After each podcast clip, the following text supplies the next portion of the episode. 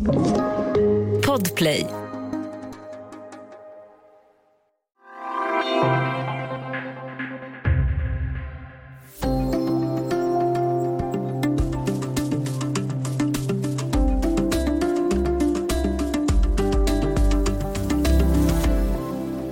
Man brukar säga olika, mer eller mindre väl underbyggda saker om drömmar. Som att man måste vakna till lite, lite grann för att drömmen ska fastna i minnet. Eller att man drömmer varje natt, även om man aldrig kommer ihåg något. Man brukar säga att vi drömmer för att hjärnan måste städa bland alla intryck och minnen och att drömmar om ormar handlar om sex. Men det har kommit nya teorier om varför vi egentligen drömmer. Ska vi tro på dem? Välkommen till Studio DN. Jag heter Sanna Thorén Björling.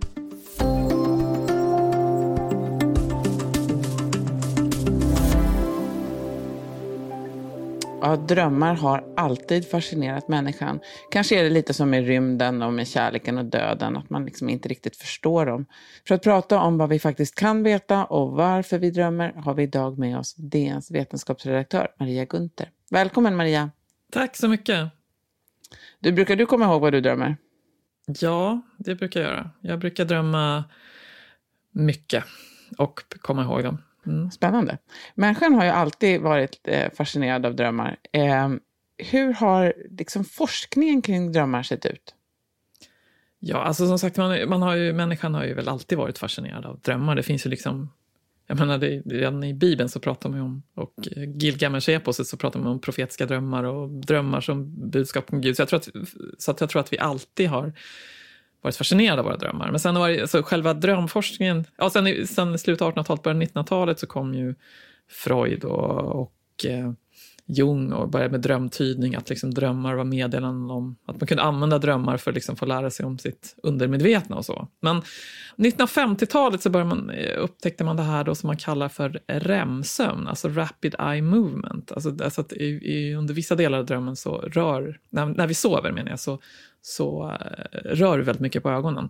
Mm. Och eh, man gör försök på personer och så väcker man dem när de har REM-sömn och när de inte har REM-sömn så ser man att de flesta verkar drömma. Alltså REM-sömnen verkar då vara förknippad med drömmar oftast. Eh, inte, alltså det är inte helt och hållet så, det verkar som att man även kan drömma under andra delar av sömnen. Men, men och sen, och sen, ju, sen har vi fått bättre och bättre utrustning, man har fått så här hjärnskanningar, kan man se liksom hjärnaktiviteten både på djur och människor när vi sover och så. Just det. Ja.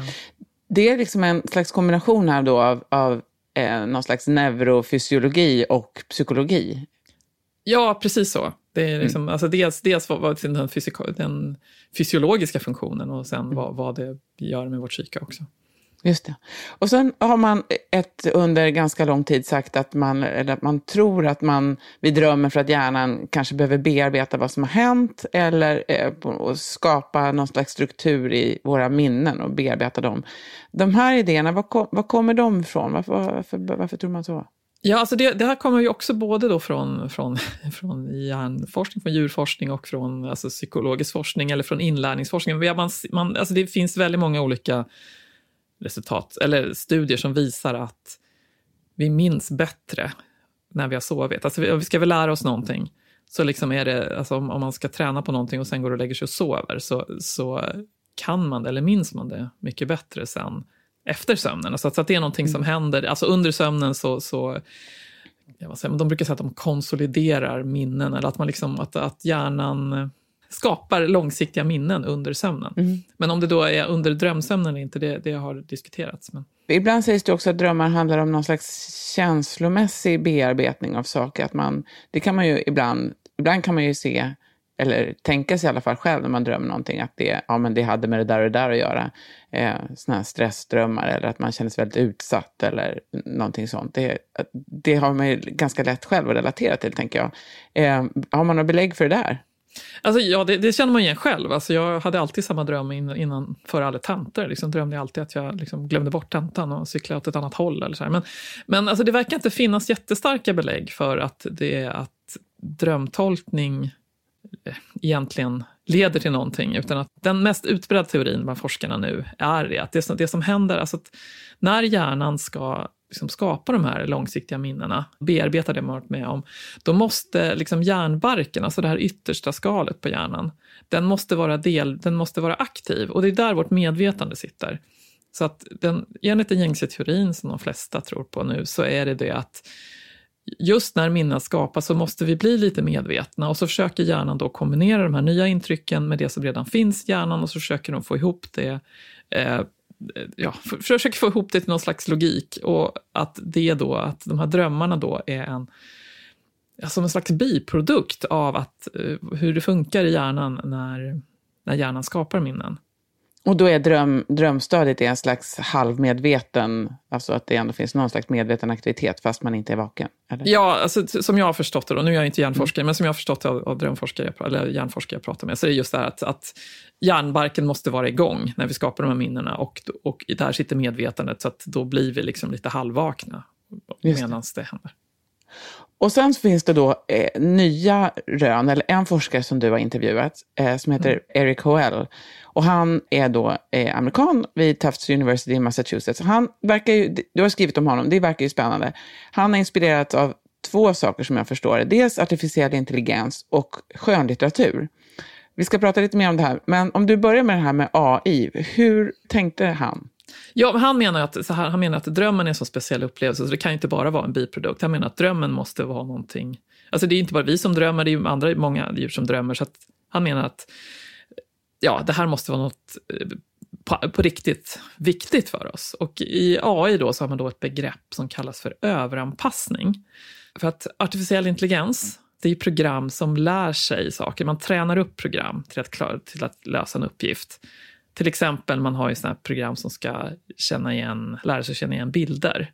Och man då, då, kan man, då får man ju träna det här programmet. Man kanske ska visa ett program 3000 olika bilder på, på eh, katter som ser olika ut. Och så ska då det här programmet skapa sig en generell bild av vad en katt är. Så att det sen när det får se en annan bild och kan avgöra, är det här en katt eller inte en katt? Och det fungerar bra, men det kan också hända, det kan då hända något som kallas för överanpassning. Det är att programmet blir jätte, jätte, jättebra på att känna igen just de här bilderna som det har tränats på. Så att det bara liksom, så att, men sen när du får se en, okänd, en bild på en okänd djur så kanske den, blir det inte bättre om du gissar om det är en katt eller inte. Så att det, det, det, det hittar liksom inte den generella idén om en katt utan det, det lär sig bara identifiera de här bilderna. Och det här Erik Coel han menade att det är risk att vår hjärna gör samma sak. Att vi bara lär oss exakt det som vi utsatts för på dagtid. Eh, det kallas överanpassning ett, ett sätt att lösa det här är artificiell intelligens, att man liksom för in lite brus, lite konstiga grejer i den här träningsdata. Lite liksom man tar bort lite delar, eller man sätter, sätter in konstiga detaljer. Och att då blir programmet bättre på att generalisera. Han menar då att det kan vara samma sak med våra drömmar. Alltså att vi drömmer helt absurda grejer för att vi ska lite, bli lite bättre på att hantera verkligheten. Lite som att man drar in, alltså att man lär sig, man tar bort lite delar, ungefär som att man lär sig läsa, man kan läsa ett ord utan vokaler. Alltså att man tar bort lite, man fyller i själv om någonting inte är komplett. Som jag har förstått det så, eller men han menar att, han, han pratar då, alltså, eftersom vi vet att äh, många, de flesta andra djur, i alla fall alla, alla däggdjur och säkert kanske lägre djur också, drömmer, så menar han att många organismer de lever i väldigt enahanda och tråkiga liv. Alltså så här, det händer, de, de liksom lever i en viss miljö och de ägnar sig åt samma saker varje dag. Och hjärnan, då kan hjärnan bli så inkörd på just det här som de, så, att, så att den kan inte klara, skulle aldrig hantera någonting annat. Så då, då menar han, då kommer drömmarna där som, och, och sätter in lite, ger en absurt perspektiv på verkligheten så att hjärnan liksom inte fastnar i sina, i sina vanliga hjulspår utan kan hantera andra grejer också. Det här är jättespännande. Vi ska alldeles strax prata lite mer om detta efter pausen.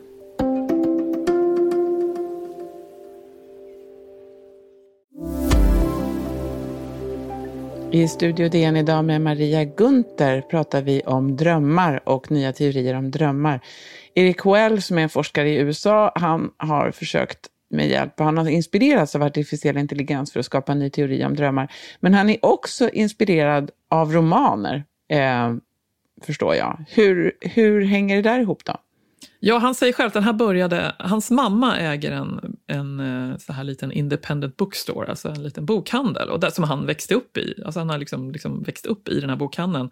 Så han har, som han sa, att jag har jag, jag växte upp omgiven av människor och, som, som läser skönlitteratur. Och själv är han också författare, han har alltid skrivit skönlitteratur själv. Och så han har funderat, men varför ägnar, varför ägnar vi så mycket tid åt saker som inte är sanna. Som han sa, liksom, det finns ingenting om Harry Potter som är sant och ändå så vill alla läsa om Hogwarts. Varför liksom, ägnar vi så mycket stor del av, av vår tid till påhitt? Och, och, och så tänkte, men så funderade han mer på det här, hur ska jag förstå det här rent vetenskapligt? Och sen så kom han på att ja, men vi har ju liksom en inre författare som, som liksom är äldre än människan, för den har funnits längre. Så att vi har hjärnan som hittar på, liksom, eh, som utsätter oss för historier som inte är sanna varje natt. Så han tycker att om jag kan förklara vad drömmarna är, så kanske också, eller varför vi drömmer, så kan jag också kanske förklara varför vi tycker så mycket om påhittade historier. Och han har på något sätt kombinerat då de här sakerna kan man säga. Eh, så själva syftet med att drömma då enligt honom skulle vara att då blir vi bättre på att sortera och generalisera och dra slutsatser så att vi lär oss någonting då på vägen. Är det så man ska... Ja, ja eh, som han menar att vad vi än gör, alltså, alltså vi, vi tänker att inlärning är någonting vi bara gör typ när vi sitter och pluggar, men vad vi, även när vi sitter, hjärnan lär sig hela tiden. Alltså sitter vi och tittar på, slötittar på tv sitter hjärnan och lär sig. Men under drömmarna, enligt hans det, det, är en väldigt spekulativ hypotes, ska jag påpeka. Så det, men, men, men de menar att även under drömmarna så lär sig hjärnan andra saker än vi lär oss under dagen, för att vi inte ska bli för fast i, i, i just den miljö vi är, utan, utan att hjärnan ska kunna klara av andra saker också.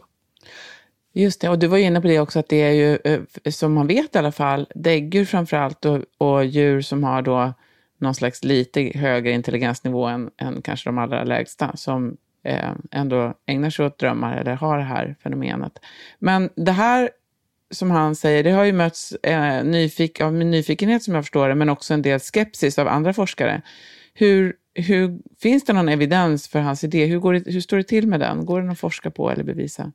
Ja, alltså han, han är ju väldigt skeptisk till den här teorin om att drömmar bara skulle finnas för att eh, skapa minnen. För han menar att det vi drömmer om är ju inte det vi har varit med om på sistone. Eh, men, men, det, det, men jag har ju pratat med andra hjärnforskare som de, de, tycker att ja, det här är en spännande idé, det är en helt ny teori och så, men de har inte direkt blivit övertygade av det här. Alltså det, det, han har ju just kommit ut med en artikel om det här och Uh, så att, men han, han menar att han tycker att det här skulle vi kunna undersöka. Alltså det, ett problem är ju, man kan inte göra riktigt djurstudier på drömmar, för man kan, vi kan ju inte fråga djur vad de drömmer om. Alltså man kan ju inte väcka ett djur. Man kan, man kan ju, man, man, vi, det finns ju många studier på människor där, för människor skriver ner sina drömmar, man väcker människor. Men, så att, men han menar att det man skulle kunna göra är att om man stör djur under deras drömsömn, så skulle man se vad är det som de blir sämre på? Får de sämre minnen eller får de, blir de sämre på att generalisera? För han menar att då, det kan man utskilja mellan de här olika teorierna. Att om det är drömsömnen, om det är drömmarna som behövs för minnen så blir det, får de sämre minne, men om, det, om, om de inte får drömma, om de då inte kan generalisera ett hot till exempel. Vad tror du? Oj, jag tycker att det är en jättespännande teori. Jag tycker att han är, han var väldigt rolig. Jag håller med den här forskaren, det här är spännande. Jag skulle, alltså, det är ju ett otroligt spännande område och jag ser fram emot att få mer forskning om det här. Och det är ju väldigt kul med folk som utmanar etablerade teorier.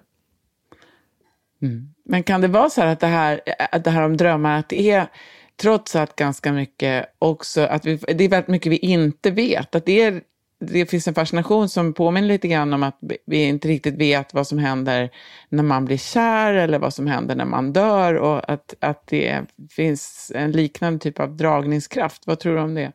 Ja, det tror jag absolut. Men vi vet ju överhuvudtaget väldigt lite om hur hjärnan funkar. Så det finns ju mycket kvar att upptäcka där. Men det är roligt, då får vi tillbaka dig också i podden, Maria Gunther. Tack så jättemycket för att du var med idag. Tack.